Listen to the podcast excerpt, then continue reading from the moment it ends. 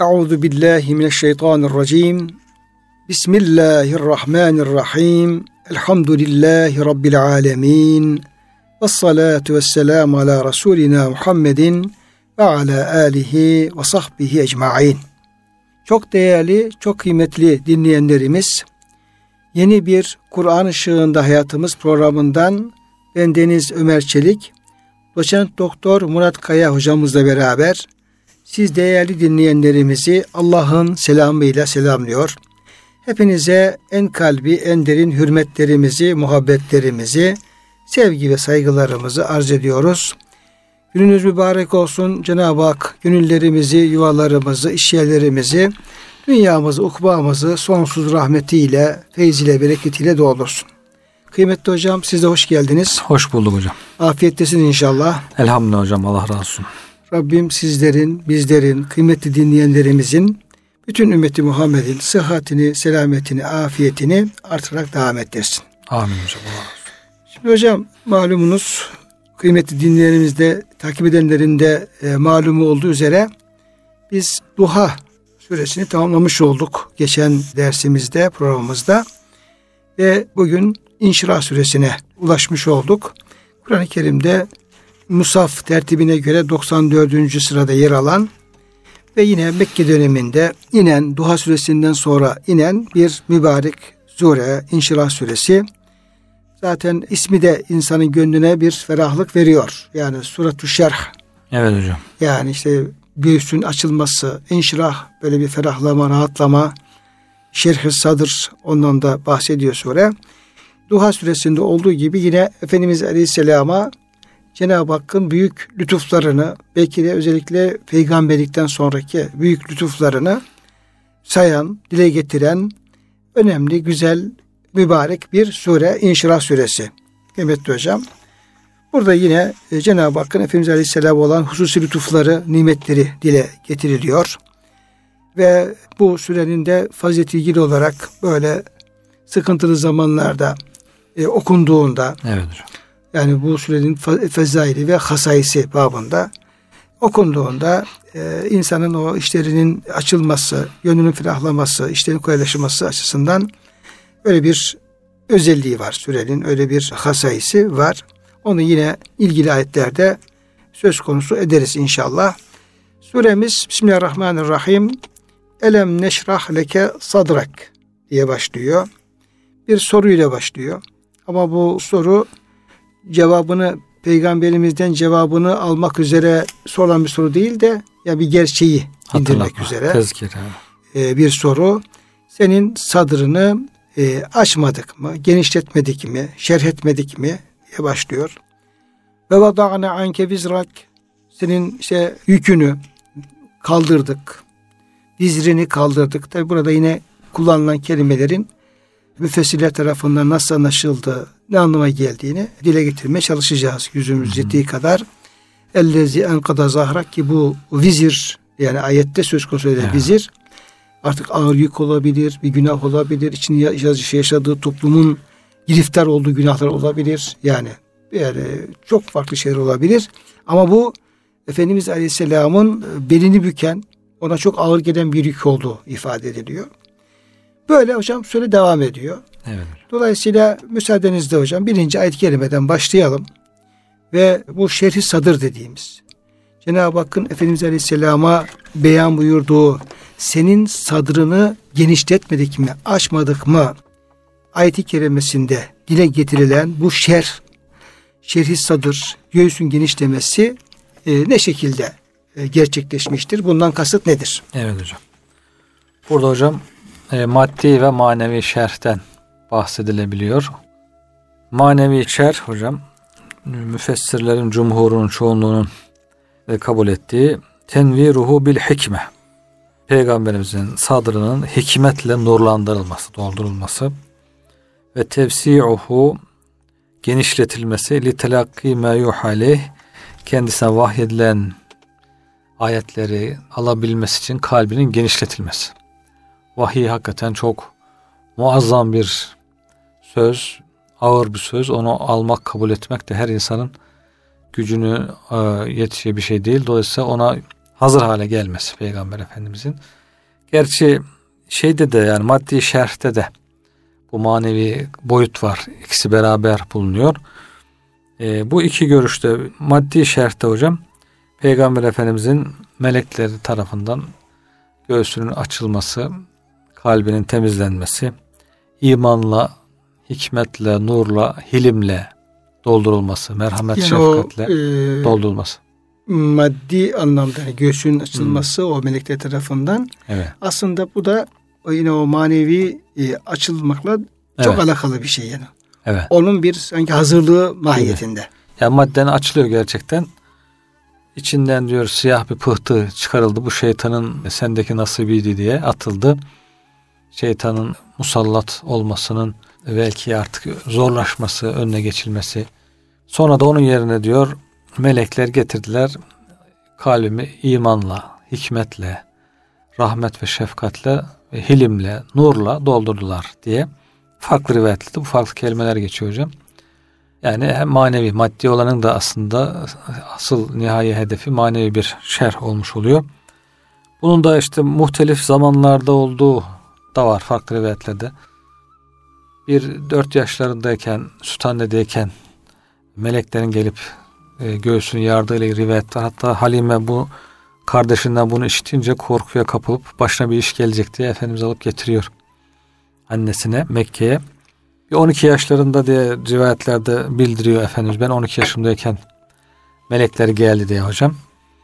Ee, bir vahiyden önce vahye hazırlık olarak bir de Miraç'tan önce Miraç'a hazırlık olarak dört defa rivayetlerde geçiyor. Ama farklı alimler bunu farklı kabul edebiliyor. Rivayetlerin bir kısmını zayıf buluyor, bir kısmını birleştiriyor. Kimisi iki defa şerhi sadır olmuştur diyen var. Üç defa. Ama hiç olmamıştır diyen yok. Yok ama. Üç defa diyen var. Bir defa diyen var.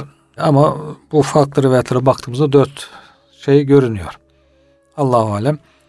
Yani Efendimizin yani hocam yani bir defa olduysa hmm. bunun iki üç defa olmaması için bir sebep yok olabilir. Evet. Yani mühim olan böyle bir şeyin gerçekleşmiş evet. olması ve bunun bir rüya aleminde değil de evet. ya kaza halinde ve yani böyle aşıktan Uyanırken, bir gerçekleşmesi evet. hatta o, o 4 yaşındayken olan şey de herhalde süt kardeşleri de buna şahit görüyorlar. Oluyorlar. Korkuyla gidip annesine babasına haber veriyorlar. Eyvah kardeşimi öldürdüler diye.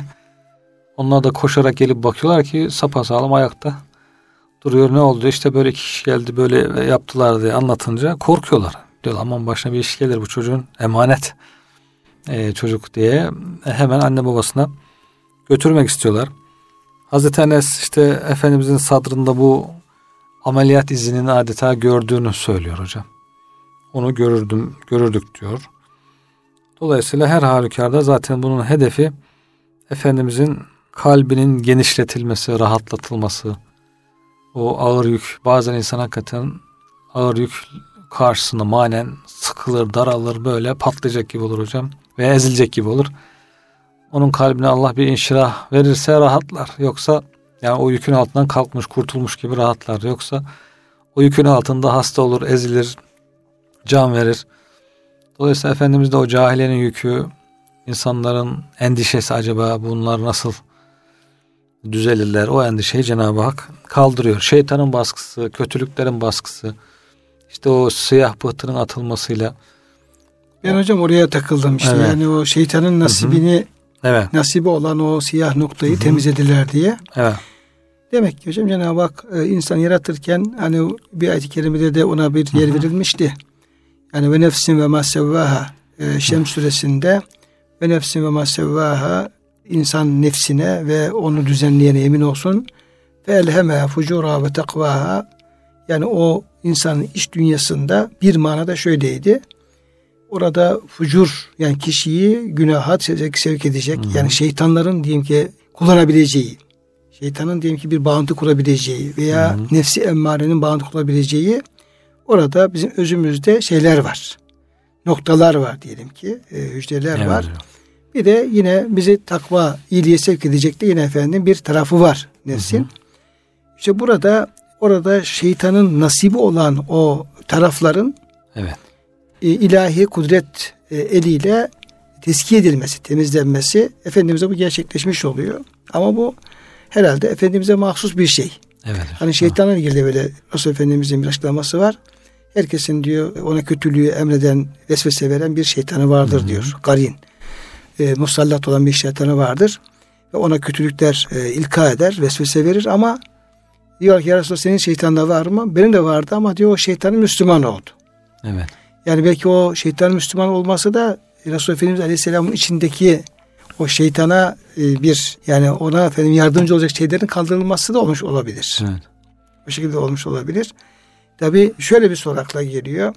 Yani Cenab-ı Hak diyeyim Efendimiz'e böyle bir lütufta bulundu. Onun iç alemini o kötülüklerden, kötü düşüncelerden, hı bunlardan temizledi.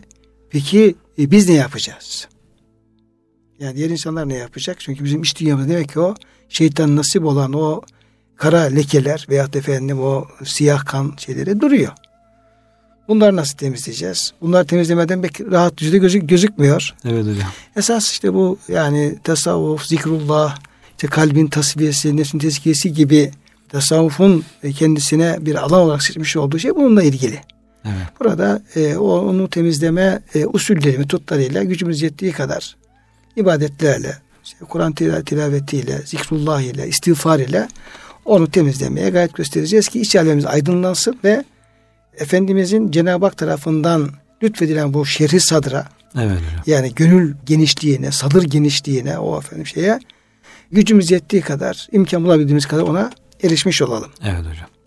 Yani demek ki bir hayat boyu bir imtihan içinde olmamızı Cenab-ı Hak murad etmiş. Dolayısıyla devamlı bir mücadele içinde, uyanıklık içinde işte Allah'a sığınarak böyle bir hayatı sağ salim bitirmeye çalışacağız hocam. Çalışacağız. Bir de tabii peki bu yani şeytanın nasibi olan yani nesi emmarenin nasibi olan o merkezdeki insanın o e, özündeki bu kirlilikleri evet. bu işte kindir ayet-i kerime buna gıllen kelimesini evet. kullanıyor da yani kindir, hasettir, diyelim ki hırstır, dünyaya işte aşırı meyildir, başkalarına karşı efendim diyelim ki kötü duygulardır. Bir de bunların bütünüyle temizlenmesi mümkün olabilir mi? Peki Cenab-ı Hak belki Efendimiz'e lütfu keremiyle bunu temizledi. Evet. Temizledi ama diğer insanlar için hele ki Müslüman olsak da, mümin olsak da, işte diyelim ki müttaki gücümüz yettiği takvaya salırsak da acaba bütün bunları tam böyle Cenab-ı Hakk'ın istediği şekilde temizlemek ve tertemize getirmek mümkün olabilir mi? Bu da zor. Hocam o herhalde masum olmayı ifade ediyor. Yani o evet. tamamen temizlersen masum olursun. Ama masum olmak da peygamberlerden başka kimse için olmayacağı için demek ki o bizimle beraber hocam ölünceye kadar herhalde biraz hocam devam edecek gibi gözüküyor. devam edecek. Bir şey aklıma geldi. Ee, Hicr suresinde bir ayet-i kerime var da bu ayet-i kerimenin tefsirinde İsmail Hakkı Nursi Hazretleri bir izahta bulunuyor. Ayet-i kerime şöyle. Bismillahirrahmanirrahim. Ve neza'na ma fi sudurihim min gillin ihvanen ala sururim tekabilin. Biz efendim o cennete girmiş olan kişilerin e, sadırlarında fi sudurihim hmm. orada geçiyor hocam. Sadırlarındaki gıl denen evet. herhalde Allah alem bu ameliyatlarda Efendimizin gönlüne alınan şey hocam gıl idi. Herhalde. Herhalde. Gıllu gış diyorlar. Gıllu gış diyorlar ya hocam. Yani o işte yani her bütün kötülüğün Yamuk temeli. Yani bütün olumsuz düşüncelerin efendim şeytani vesveselerin belki kaynağı mahiyetinde ayet ona gıl kelimesini kullanıyor hocam evet. özellikle. Gıl kelime. Zaten kelimenin kendisine de bir hayır yok yani böyle e, telaffuzunda ondan sonra efendim ifadesinde. Biz diyor onların cennete girmiş olan kişilerin hı hı. ahirette adamın hesabını vermişler. Cennete artık girme hak kazanmışlar. Cennete girmişler. İşte cennete girme esnasında biz onların diyor efendim içindeki diğer efendim e, hem cinslerine kardeşlerine duymuş olacakları o olumsuz düşünceleri gıl denen gıl, hmm. gıl, gıl, gıl denen şeylerin hepsini hmm. kendi kudretimizle ve nezana hmm. Söker biz söküp atarız. Onlar işte böyle karşılıklı koltuklar üzerinde kardeşler olarak otururlar. Hmm. Şimdi orada bu Hazretleri biraz yine işin bu kalp tasfiyesi, nefis tezkiyesi kısmına giriyor hocam da diyor ki ayet bize şunu gösteriyor. Yani dünya tamı çok uğraşmamız lazım. Yani iç alemimizi temizlemek üzere teskiye hmm. tasfiye için mücadele etmemiz lazım. Hmm. Tasavvuf buna bunu şey yapıyor, e, hedef olarak benimsiyor.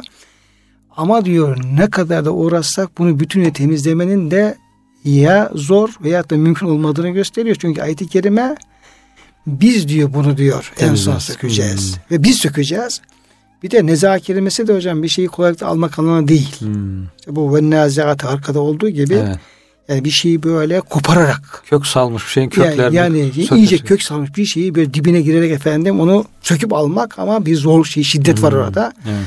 Ancak ilahi kudret diliyle Cenab-ı Hakk'ın lütfuyla o söküp alınacak. Bu işte Resulullah Efendimiz Aleyhisselam'a Cenab-ı Hak bunu o nübüvvet öncesi işte Hmm. efendim bunu ikram etmişti ama bizim böyle bir e, imtihanımız var. Hmm. İmtihanımızda onu da efendim bir de şimdi bu, bu durum böyleyken bir de bunu kendi haline bırakırsak yani hiç sökmeye uğraşmasak ne uğraşmasak İyice köklen. o zaman iç halimizin ne hale geleceğini düşünebiliriz yani. Hocam ocağına incir ağacı dikmek var ya Evet. her yerden bir incir patlıyor böyle. Temelleri falan yıkıyor. Yani kendi haline bırakırsan iyice köklenir, dallanır, budaklanır. bu da var. Evet. Demek ki hocam bizim şerhi sadrımızda cennette olacak öyleyse. Tam anlamıyla orada olacak Yani hocam. Peygamberimize Cenab-ı Hak biraz erken lütfetmiş. Dünyada da lütfetmiş. E, onu sevdiği bir Habibi eylemiş. Müminler de demek ki hocam cennette o şekilde temizleyip yine onları sevgililer haline getirip Orada bir kir kalmayacak hocam. evet Bir de şunu gösteriyor. Ya biz de ne kadar o içimizdeki o hıl denen, hılgıç Hmm. denen şeyi atabilir, temizleyebilirsek o kadar rahatlayacağımız, cennete layık o kadar cennete layık hale geleceğimiz, o kadar dünyada o e, cennetteki o kardeşlikten bir haz yası pay yaşam. alacağımız da Hmm. anlaşılıyor. Bu böyle hocam. Bir de şimdi sizin ilk yaptığınız tefsir Efendimiz Aleyhisselam'ın ona vahiy indirmek suretiyle yani gönlünü vahye hazırlamak. Evet. Sonra da ona peygamberlik vermek. Çünkü nübüvvet de efendim Hmm. kalple alakalı bir şey, sadrla alakalı bir şey. Ve Kur'an-ı Kerim vahyini göndermek suretiyle Efendimiz Aleyhisselam'ın sadrını açması. Burada hocam bir hadis-i şerifte var. İşte Efendimiz buyuruyor ki kalbe nur girdi mi o kalp diyor inşirah bulur. Yani o kalp açılır her şeyi ayan beyan görür ve genişler. Bir başka ifadeyle bir kalbe nur girdi mi o kalp beleye dayanma gücü elde eder. Rububiyet sırrını korur. Hatta diyorlar ki Efendimiz buyuruyor ki kalbe diyor bir nur girdiği zaman kalp genişler. Diyor ki ya Resulallah bunun peki alameti nedir diye Hmm. soruyorlar. O nur girdiği zaman diyor insanın diyor dünya olan diyor e, aşırı tutkuları e, ve meyli azalır ve daha çok ahirete şey yapar. Ahireti dünyadan çok daha fazla önemsemeye Hmm. başlar gibi hocam şeyler var. Tefsirlerde rivayetler Evet, var. Açıklamalar var. Şimdi bu da hocam peki bizim bundan payımız tamam. Cenab-ı Hak e, Efendimiz Aleyhisselam peygamberlik verdi. Ona vahiy gönderdi. Kitap verdi. Ve Efendimizin bu yolla nübüvvet ve vahiy yoluyla Efendimizin sadrını genişletmiş oldu, açmış oldu. Demek ki bu sadrın genişlemesinin esas sebebi vahiy. Esas Hmm. sebebi Tamam. ilahi e, Hikmet. hikmet, o kitap, kitabın bilgisi. Dolayısıyla bu da bize şunu gösteriyor ki Resul Efendimiz'in nail olduğu bu şehri sadıra nail olmanın yolu o ilahi, vahiy, ilahi kitabı okumak, anlamak, Kalbe on- indirmek. onun hikmetini, onun, onun nurunu kalbe indirmek. Evet. Ne kadar biz Kur'an'ın feziyle, Kur'an'ın nuruyla, vahiy nuruyla aydınlanabilirsek inşallah o kadar bir sadır genişliğine Evet. biz efendim şey yaparız. Biz e, nail olmuş oluruz. Sadrı dar insanlar olur hocam. Hani sadrı geniş insanlar derler. Sadrı dar insan hakikaten bayağı sıkıcı olur. İnsanları yorar yani. Hiçbir şeye tahammül edemez. Hiçbir şeyi affedemez, vazgeçemez, sıkar durur.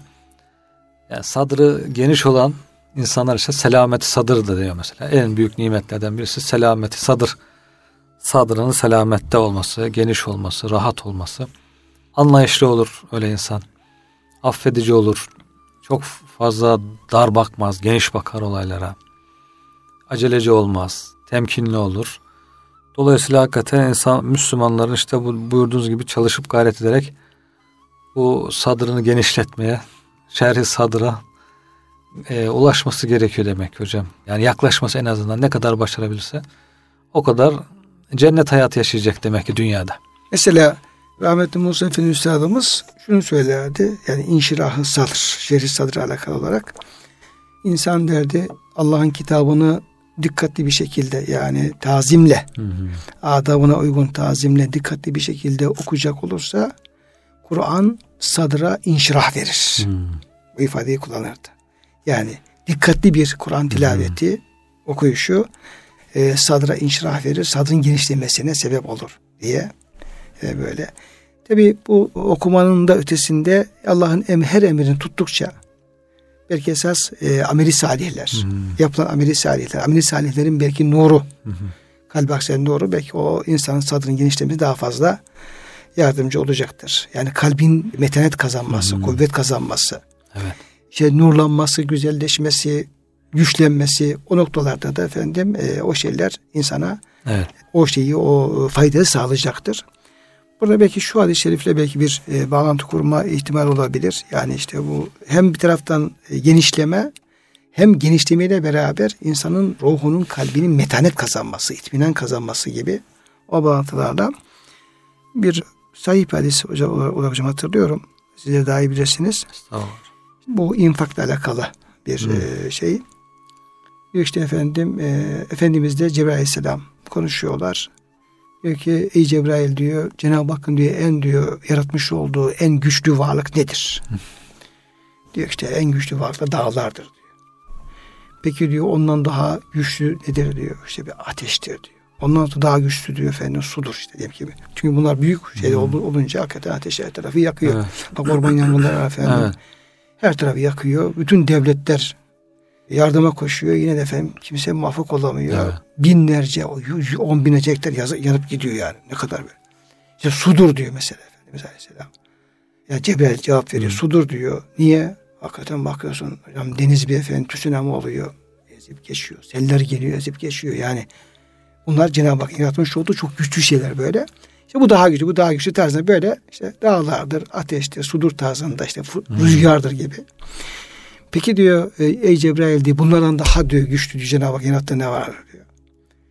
O da diyor efendim sağ elinin verdiğini sol eli duymayacak şekilde Allah rızası için infak eden yani yaptığı işi hmm. halisen lillah diyor yapan diyor kul diyor onun kalbi diyor onun ruhu diyor bunun hepsinden güçlü kuvvetlidir. Evet. Şimdi burada şimdi bu neyi gösteriyor bu? Yani yani Kur'an-ı Kerim okumak da bir insanın sadrına genişlik veriyor. Ona bir metanet veriyor ama o okuduğumuz ayetlerin yani mesela Cenab-ı Hak diye birkaç ayet-i kerimede fe'abudillâhe muhlisen din Allah'a işte bütün kulluğun sırf Allah rızası için olsun. Yani başka birisinin bir teşekkürünü veya da bir aferinini beklemeden yaptığın her şeyi Allah'ın yap diye mesela emirler var. Şimdi o emri yerine getirdiğimiz zaman belki o zaman esas hakiki şehri sadra evet. o zaman belki efendim nail olacağız. Yani belki hiç kimsenin farkında olmadığı şekilde iç dünyamızda bir Allah ile beraberlik hı hı. bir de o beraberin getirmiş olduğu o efendim genişliği, o huzuru, o şey efendim yaşay yaşayabileceğiz yani. Yani bu infakla ilgili hocam başka bir hadis-i şerif de var. Malumunuz bu e, cömertlik ve cimrilikle ilgili. Cimri ile cömertlikle ilgili misal veriyor Peygamberimiz. İşte diyor cimri adam şu göğüs tarafında zırh olan birisine benzer diyor. O diyor cimrilik yaptıkça zırhın halkaları iyice diyor sıkışır böyle elleri de zırhın içinde. Elleri de bağlanmış hocam, göğsüne. Diye kısalır işte hocam bu. evet elleri bağlanmış göğsüne sıkı sıkı böyle kundaklanmış bebek gibi sıktıkça sıkar diyor. Ama diyor o cömertlik yaptıkça, infak ettikçe diyor o zırh açılır, rahatlar. Ondan sonra elleri rahat serbest erer. Ondan sonra o zırh diyor bir taraftan da uzar. Sadece göğsünde darcık kalmaz bütün elbiseyi kaplar. E, böylece diyor o rahata erer. infak ettikçe, geometrik yaptıkça. Yerde sürünür o zırh, yere kadar uzar. Onun izlerini siler. Yani e, hem rahatlatır, hem ayıplarını örter. E, üstü başı açık kalmaz. Hem izlerini siler, günahlarını siler. Günahlarına kefaret olur diye böyle çok güzel bir temsil veriyor hocam Peygamber evet, Efendimiz. Evet hocam rahmetli Musa Efendimiz öyle yaparmış. Dermiş ki etrafındaki e, ihvanına insan böyle infak ettiği zaman biraz da imkanı varsa biraz da bol hmm. miktarda verdiği zaman böyle insan iç dünyasında böyle bir rahatlama hmm. ferah hissediyor dermiş. Evet. Yani verince hissediyor, hissediyor. Demek ki bunlar işte bizi şerit sada götürecek şeyler hocam. Evet. Ee, misaller. Ama tabii günümüzdeki hocam e, şeyler hatta giyim kuşam bile o zırh deyince o aklıma geldi. Yani bu modern dünyanın bu efendim dayatmaları, mod şeyleri, modaları bile hocam giydiğimiz giyim kuşam bile bizim yani kasveti kalbe sıkıyor. Dikkat kalbe götürecek şekilde efendim şeyler. Evet. Yani ki İslam'ın emri nedir? Geniş giymektir. İşte hanım diyor geniş giyecek diyor, ağızları belli olmayacak diyor. Erkek de böyle hocam. Yani erkeğin de böyle evet. çok vücut ağzalarını şey yapacak şekilde giymesi, giymesi herhalde makbul bir şey değildir. Evet. Yani ecdadımızın işte Resul Efendimizin giysileri böyle ecdan bir yeri böyle diye o şalvarlarımız, o geniş şeylerimiz falan böyle. O giysiler de belki insanın hem vücut azalarını rahatlattığı gibi kalbi de rahatlatıyordur. Evet, Ona da inşirah veriyordur ama onları sıktıkça onlar da ayrıyeten bir daha kalbe sıkıntı Darlık veriyor. veriyor, darlık verecek. Halbuki biz bütün her şeyimizi içimizi hem maddi anlamda hem de manevi anlamda içimizi genişletecek şekilde yapmamız lazım. Şimdi hocam tabi Cenab-ı Hak Efendimiz Aleyhisselam'a elem neşrah leke sadrak buyuruyor. Evet hocam. Şimdi tabi ayet-i kerimelere baktığımız zaman Kur'an-ı Kerim'de diğer başka sureler ayetlere baktığımız zaman tabi Efendimiz Aleyhisselam'ın gönlü bir açıldı bir daha hiç daralma olmadı. Evet hocam. Öyle diyemeyiz. Niye? Çünkü başka ayet-i kerimelerde de Cenab-ı Hak zaman zaman Efendimizin özellikle o müşriklerin ileri geri konuşmalar, diye oradaki efendim karşılaştığı zorluklar bundan dolayı da yani sadrına bir darlık geldiği de olabiliyordu. Ya duygu sadruku. Ha, mesela bir ayet-i kerime Bismillahirrahmanirrahim ve lekad na'lemu enneke yadîku sadruke bima yekulun. Evet. Biliyoruz ki onların ileri geri konuşması sebebiyle senin sadrın Daralıyor. daralıyor. İşte fesebbih bihamdi rabbike ve kümle sâcedin. Sen işte Rabbini tesbih et. İşte Allah'a hamd et. Secde et. Hmm. Ve abud rabbeke hatta yetekel yakin. Ölüm geldiğinde Rabbine kulluk et. Yine böyle ve la tahsen aleyhim ve la tekü fî dayık mimma yemkürün ifadeleri. İşte onların konuştuklarına efendim üzülme. Dediklerinden dolayı efendim içine bir dağlık gelmesin gibi. Böyle şeyler de var hocam. Demek bu hocam sadır daralmasının ilacını da veriyor ayet-i kerimeye. Tesbih et, secde et. Tabii. Ya demek ki hocam Cenab-ı Hak bir aç- açıklık veriyor ama bu açıklık yani ila nihai hep böyle olduğu gibi devam edecek tarzdan değil. Zaman zaman efendim daralmalar, zaman zaman genişlemeler ama böyle bütünüyle bir daralma şeyi e, tabii söz konusu değil. Cenab-ı Hakk'ın öyle bir e, efendim ikramı var. Evet. E, orada o genişliğin bereketini yaşıyor ama o zor süreçlerde, o yolculuklarda da yine efendim yani böyle zorlanmalar, kalbin daralması, sıkıntılar falan onlar da hocam tabii olabiliyor yani. Evet hocam. Bu ayetleri karşılaştığı zaman böyle bir şey de efendim görebiliyor. Ama buyurduğunuz gibi o daralma esnasında da ondan kendini nasıl kurtaracağız? Hı hı. Yani içimiz daraldığı zaman bunun efendim çıkış yolları ve onun tedavisi ilgili de ayet-i kerime tesbihi, hamdi, Allah'a yönelmeyi, ibadeti onları şey yapıyor hocam. Evet hocam. Onları e, bize göstermiş oluyor. Zaten bu İsra suresinde o yine beş vakit namazın emredildiği hocam ayetler var. Teheccüd namazının emredildiği ayet-i kerimeler var. Cenab-ı Hak efendim böyle yapılacak bir kısım özel duaların öğretildiği yerler var. Bu ayet-i kerimeler o hicret öncesindeki Mekke'deki Efendimiz Aleyhisselam çok sıkıntılı halleriyle ilgili ayet-i kerimeler geliyor. Yani ayet-i kerime ön tarafında diyor ki işte biliyoruz ki onlar seni diyor Allah'ın sana emrettiği şeyleri olduğu gibi tebliğ etmeyesin. Hatta onları değiştiresin diye sana baskı yapıyorlar. Hmm. Eğer sana yardımımız yetişmese sen efendim belki de yapacaktın. Meyledin. E, ayağın kayacaktı ama sana yardım ettik ve kesinlikle kaymadın. Evet. Yine onlar sana baskı yapıyorlar. Mekke'den çıkarmak için. Bunu biliyoruz. Belki çıkaracaklar ama onlara fazla kalamayacaklar falan. Böyle hocam o zor şartlar efendim anlatıyor ayet-i kerimeler. Oradan başlıyor işte akınız salate lidülükü şemsile gasakil leyl. Ya o zorluklar karşısında onlara tahammül gösterme, sabredebilme, o zorlukları aşabilme için Cenab-ı Hakk'ın e, Efendimiz'e, Müslümanlara gösterdiği şey yol, işte efendim beş vakit namazını kılacaksın. Namaza ihtimam. İşte efendim öğle, ikindi, akşam, yatsı. Sonra ve minellil fetecet binafetellek. Gece ibadetine efendim özellikle devam edeceksin. Sonra şu duayı yapacaksın. Dolayısıyla o zorluklar karşısındaki efendim e, onları aşmanın yolu olarak Kur'an-ı Kerim'de e, geçtiği her yerde mutlaka namaz, tesbih, hamd, dua bunlar efendim önerilmiş oluyor hocam. Evet hocam. Bu, bu işin de efendim bir tedavisi bu şekilde Evet. söylemiş oluyor. Şimdi efendim e, dolayısıyla bu elem neşrah leke sadrak. Bir de hocam burada müfessirlerimizin e, yer verdiği bir husus daha var. Bir incelik var. Evet. O da e, elem neşrah leke sadrak. Leke üzerine duruyorlar. İşte Fahrettin Razi gibi, Alusi gibi, Elmalı gibi müfessirlerimiz.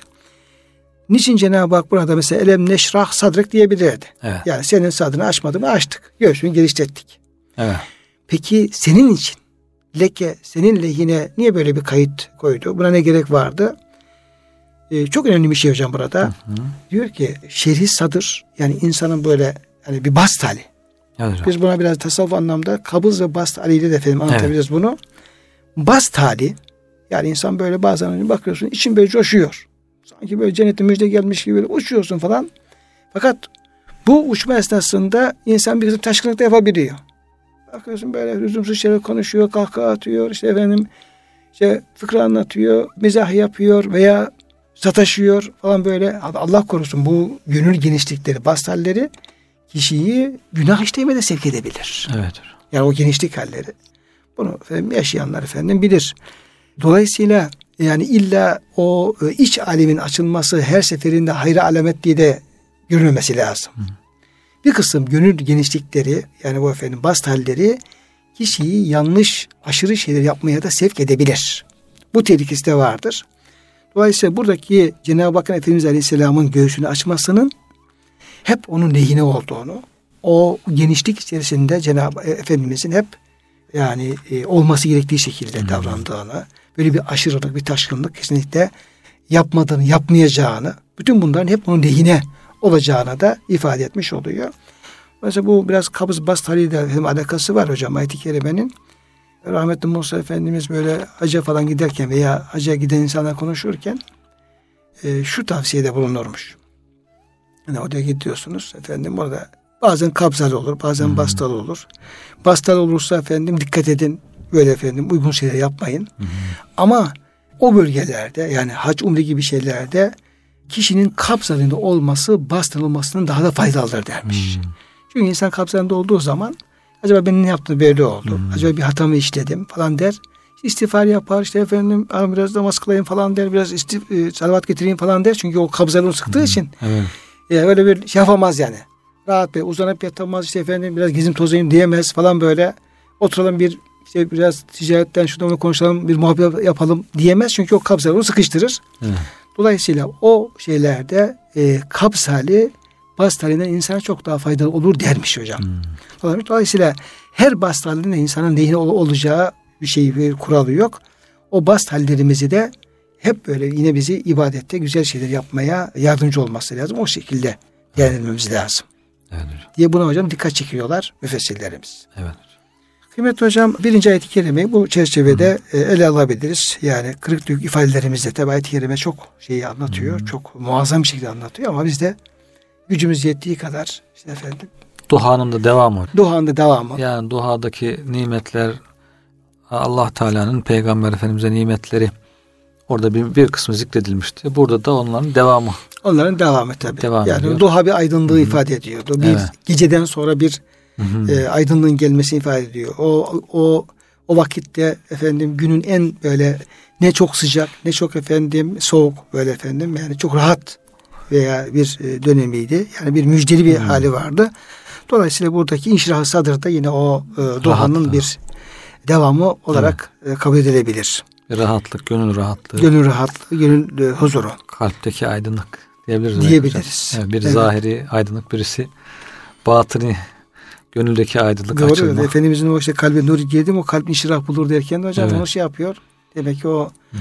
duhanın zahiri aydınlığının işte Kur'an-ı Kerim vahiy yoluyla insanın kalbine inmesi. Girmesi, evet. Kalbin kuşluk vaktine erişmesi evet hocam. gibi diyebiliriz.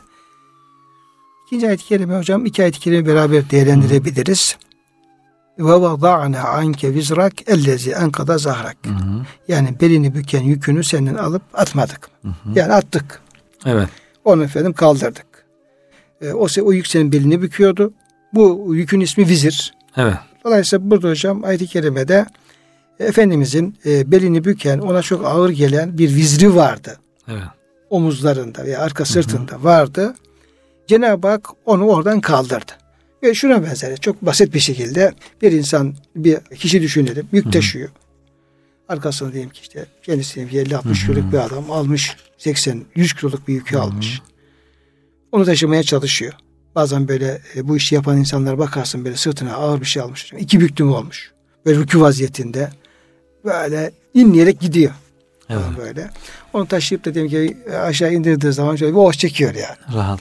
Ya biz de çok yük taşıdık hocam. Evet hocam. Ondan söyleyelim yani hammal kelimesi kullanmak istemiyorum. Biz çok hammallık yaptık.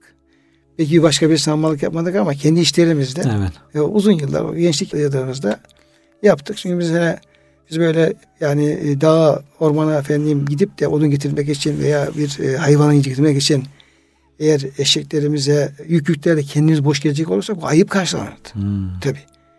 Yani böyle onu bize ağa derdik yani. Adam katına yüklemiş. Kendisi öyle efendim e, yediyorsa yürüyor. evet o köyün ağası gibi kabul ederdik. Umumen insanlar binitede efendim yüklerlerdi. Kendine yüklenirlerdi yani. Hmm. O şekilde. Bazen de hırs hırsı darandırdık. Biraz fazla ağır alalım dedik. Yani işte fazla eve şey götürelim falan Yük diye. götürelim. Yani o da bizi ezerdi tabii Ya. sırtımızı şey yapardı. Bazen o yetmez. Sırtımızı efendim otları bir de efendim elimize de bir odun parçası falan Hmm. tamam, alır falan böyle. Daha çok kar edelim falan diye. Evet. Dolayısıyla o sırtı ezen yükü biraz tecrübe etmişizdir. Evet hocam, Ee, yabancı Murat, değil. Murat hocam sen de benim belki e, bilmem yaptın mı Tabii köyde hocam ama biz de köyde yetiştiğimiz için tabii biz de öyle yük He. taşıma.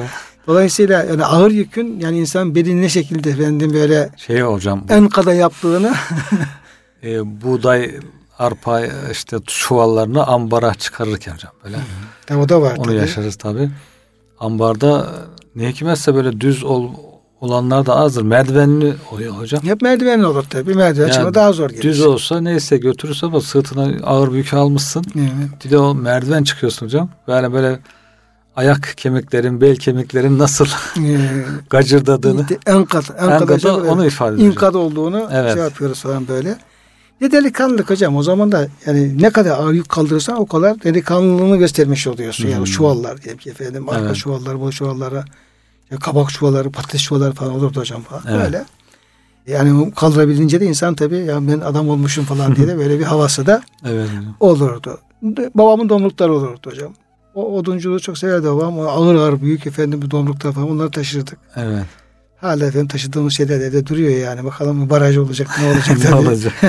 Şimdi hocam tabii o da fazla uzatmayalım o tarafa gitmeyelim ama yani bir yükün Evet. yani insanın sırtını nasıl efendim ikiye büktüğünü, Hı hı. nasıl efendim sırt kemikleri, nasıl efendim bacak kemiklerini böyle Evet. vıcırdattığını, ıhlattığını, Evet inlettiğini yani insan tecrübe ederse tabii daha iyi anlamış olur. Evet hocam. Bu ayet-i kerime burada işte Efendimiz Aleyhisselam'ın böyle bir yükün altında bulunduğunu. Hı hı. Belki nübüvvet Manevi öncesi, olarak. manevi olarak. Ve Cenab-ı Hak lütfediyor. Efendimizin sırtından o vizir denen o yükü hocam alıyor. Evet. Efendim ama şimdi o yükü e, şöyle ne olduğunu hocam kısaca ifade edelim de ama detayına inşallah bir sonraki programda girmiş olalım. Evet hocam. O yükün işte Fetih suresinin başındaki zemp, günah gibi buradaki de zemp diye tefsir ediliyor. O zemp nedir? İşte terki evladır, insanların endişesidir. Yani daha iyi olanı bırakıp iyi olanı yapmak gibi. Orada epey açıklamalar yapılmış. Peygamberimiz günah neydi? Zelleleri neydi diye. Yoksa Peygamber Efendimiz de normal insanlar gibi öyle ağır günahlar işlemeyeceği belli zaten. Dolayısıyla buradaki hocam e, peygamberimizin insanların haline bakıp şaşırması diye tefsir etmişler. Ya bu insanların hali ne olacak? Bakıyor yaptıkları işler. Hocam belki de en önemli tefsir belki o olacaktır. Hiçbir şeye çünkü, çünkü. Efendimiz çok adil bir insan, Hı hı. çok dürüst bir insan, bir de çok merhametli bir insan. Yani hangi insan bir haksızlığa uğrasa, Evet. Hangi insan diyeyim ki o köleler, cariyeler, diğer efendim o e, Beytullah'a gelen, ticaret için gelen insanlar, işte malı gasp eden insanlar, şunlar bunlar. Bir de Efendimiz Aleyhisselam çok fetanet sahibi bir insan. Yani Evet. toplumun en akıllısı bir insan. Belki mütevazi, belki kenarda duruyor ama akıl seviyesi olarak yani beyin güçleri olarak Efendimiz Aleyhisselam fevkalade bir peygamber namzedi. Dolayısıyla toplumda olan biten her şeyin farkında.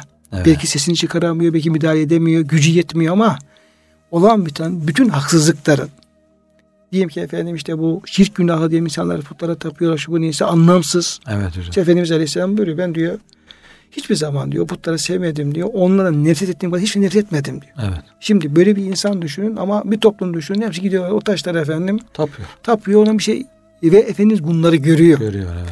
Dolayısıyla oradaki yani böyle vicdanı tertemiz, aklı e, temiz olan biten şeylerin yanlış olduğunun tam farkında olan bir insanın ve ne yapacağını da efendim bilemiyor. Nasıl bir yolda bu efendim çözülür diye bunu da bilemeyen bir insanın gerçekten bu şeyler karşısında ezilmemesi mümkün değil hocam. Yani bence o Hmm. o anlam. Evet hocam. Bahsettiğiniz anlam bence tercih edilecek en güzel anlamdan bir tanesi. Yani bir de hocam girişimde bile bulunmuşlar yani. Hani bu ağır yükü değiştirilip de Hilful Fudul cemiyeti kurmuşlar. Bakmışlar o bile çok yani bir çok cüz'i bir şey, işe yaramıyor. En son Cenab-ı Hak İslam'ı gönderince işte o cemiyetin yapamadığını Cenab-ı Hak İslam nimetiyle yapıyor. Peygamberimizin üzerinden o yükü almış, rahatlatmış oluyor hocam. Evet. Şimdi hocam bu yükle ilgili biraz daha detaylar var tefsirlerde. Hı hı. Gerek o bahsettiğiniz efendim hususa gerek hı hı. Fidye suresindeki zemde olan bağlantısı hı hı. noktasında ama programın biraz vaktini de tam doldurmuş olduk. Eğer uygun görürseniz o kısım hocam bir sonraki program devam edelim. İnşallah hocam. Kıymetli hocam verdiğiniz bilgiler için teşekkür ediyoruz sizlere ve kıymetli dinleyenlerimize Allah'a emanet ediyoruz.